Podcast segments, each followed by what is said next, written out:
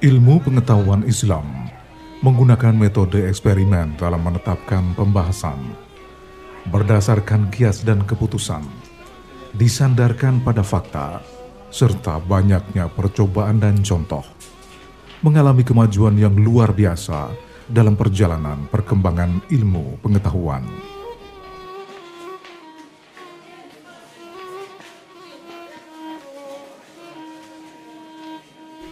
Para ilmuwan Islam menerapkan metode yang sangat berseberangan dengan peradaban Yunani, India, Cina, atau Mesir yang hanya mengandalkan teori tanpa melakukan uji coba dalam menuntaskan suatu kajian ilmiah.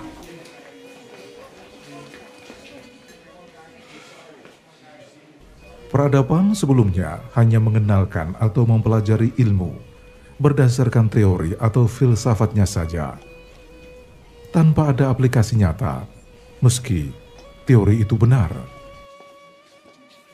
Tapi sejatinya belajar ilmu tanpa praktek menyebabkan percampuran yang besar antara teori yang benar dan batil.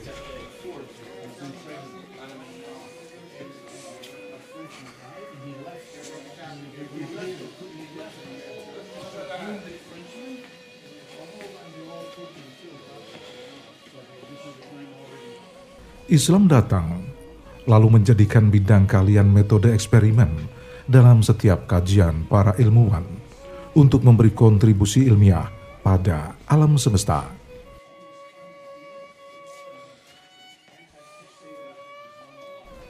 Intinya, mengajak pada dasar-dasar kaidah metode ilmu empiris, karena sampai saat ini, ilmu-ilmu di zaman kontemporer masih terus menggunakan petunjuk-petunjuk yang sama.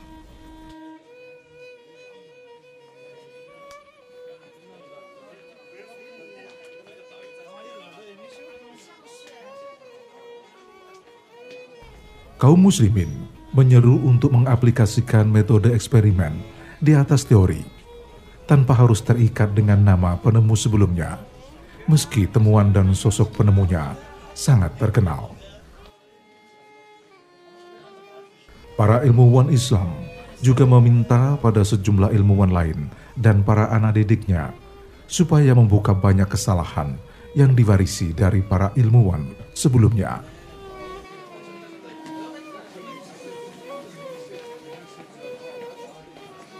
Para ilmuwan muslim tak hanya mengkritik teori-teori terdahulu dan menyelidikinya, tapi kebanyakan melakukan penelitian mendalam hingga sampai pada suatu kesimpulan yang benar hingga bisa dipertanggungjawabkan.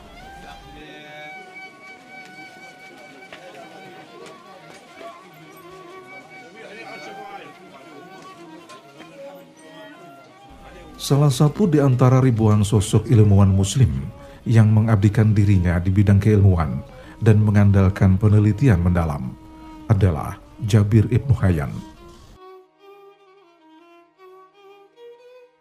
Ia adalah ilmuwan yang tak pernah puas dan terus mengembangkan penelitiannya di bidang kimia sampai pada batas tak tertentu. Hal itu yang menyebabkan ia mempunyai karya di bidang kimia sampai 500. Salah satu bukunya yang terkenal adalah Al-Hikmah Al-Falsafiyah. Tahun 1678, ilmuwan Inggris Richard Russell mengalihbahasakan karya Jabir Ibnu Hayyan dengan judul Summa of Perfection. Pada abad pertengahan, orang-orang barat mulai menerjemahkan karya-karya Jabir Ibnu Hayyan dalam bahasa Latin dari 70 kitab yang diterjemahkan, yang paling terkenal yakni Book of Venus dan Azura. Kitab Al-Hajar yang diterjemahkan menjadi Book of Stones. Terjemahan kitab Alkimia diterbitkan oleh ilmuwan Inggris Robert Chester di tahun 1444 dengan judul The Book of the Composition of Alchemy. Kitab terkenal lainnya adalah Mukhtar Rasail. Pada volume 1 berisi berbagai pembahasan, di antaranya berkaitan dengan filsafat, ilmu kalam, logika, teologi, aspek-aspek teknis kebahasaan, anatomi, mineral, tumbuhan dan hewan, serta pendidikan.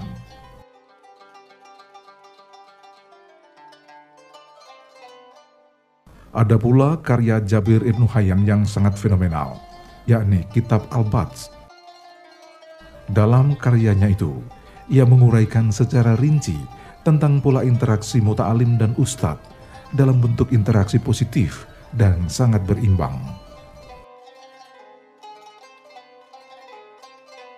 Sebagian dari buku karya Jabir Ibnu Hayyan merupakan klarifikasi temuan atau pendapat para ilmuwan dan pakar kimia Yunani, seperti Pitagoras, Socrates, Plato, dan Aristoteles. Beberapa istilah teknik yang ditemukan dan digunakan oleh Jabir juga telah menjadi bagian dari kosakata ilmiah dunia internasional. Salah satu yang paling abadi adalah alkali.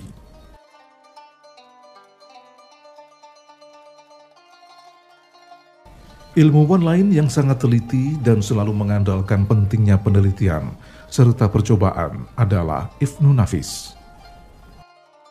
Ia dijuluki sebagai ahli fisiologi terhebat di era keemasan Islam pada abad ke-13 Masehi.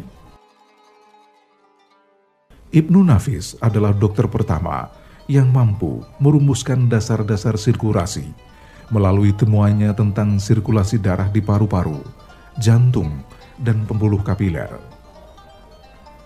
Berkat jasanya, ia dianugerahi gelar sebagai Bapak Fisiologi Sirkulasi.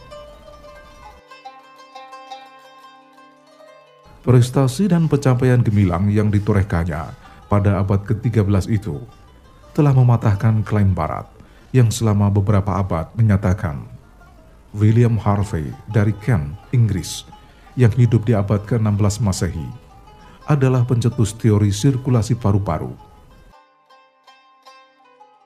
Semua itu disebabkan jejak Al-Nafis dalam bidang kedokteran, khususnya ilmu fisiologi pada era kejayaan Islam, baru terungkap pada abad ke-20. Dunia kedokteran akhirnya dibuat terpengarah dan sangat takjub. Fisikawan berkebangsaan Mesir, Muhyo Aldin Altawi, berhasil menguak prestasi Al-Nafis melalui risalah berjudul Commentary of the Anatomy of Canon of Avicenna yang tersimpan di Perpustakaan Nasional Prusia, Berlin, Jerman.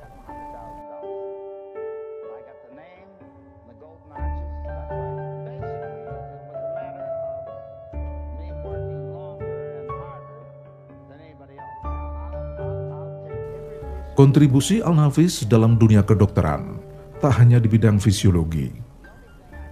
Ia juga dikenal sebagai dokter yang menyokong kedokteran eksperimental, postmortem otopsi, serta bedah anatomi tubuh manusia. Sejarah juga mencatatnya sebagai dokter pertama yang menjelaskan konsep metabolisme. Tak heran jika ia lalu mengembangkan aliran kedokteran nafsian tentang sistem anatomi, fisiologi, psikologi, dan pulsologi. Aliran nafsian yang diciptakannya itu untuk menggantikan doktrin-doktrin kedokteran yang dicetuskan pendahulunya, yakni Ibnu Sina alias Avicenna dan Galen, seorang dokter Yunani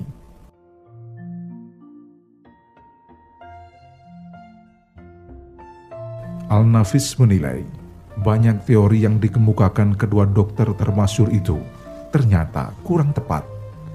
Antara lain tentang denyut, tulang, otot, panca indera, perut, terusan empedu, serta anatomi tubuh lainnya. Untuk meluruskan teori dan doktrin kedokteran yang dinilai keliru, Al-Nafis lalu menggambar diagram yang melukiskan bagian-bagian tubuh yang berbeda dalam sistem fisiologi yang dikembangkan. Karya Al-Nafis dalam bidang kedokteran ditulis dalam kitab Sarf Al-Adwiya Al-Murokaba. Juga komentarnya pada kitab karya Ibnu Sina berjudul Canon of Medicine.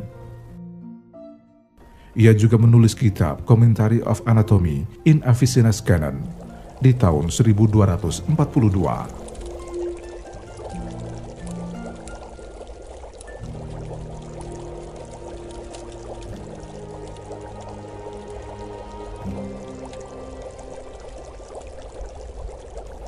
Jabir Ibnu Hayam dan Ibnu Nafis selalu mengatakan pada murid-muridnya dan sejumlah ilmuwan lain betapa pentingnya latihan, percobaan, dan meninggalkan sifat tergesa-gesa.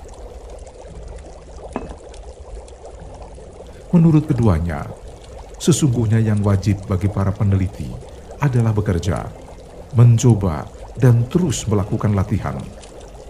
Karena dengan cara itu, ilmu pengetahuan dan sejumlah temuan penting akan memenuhi hasilnya.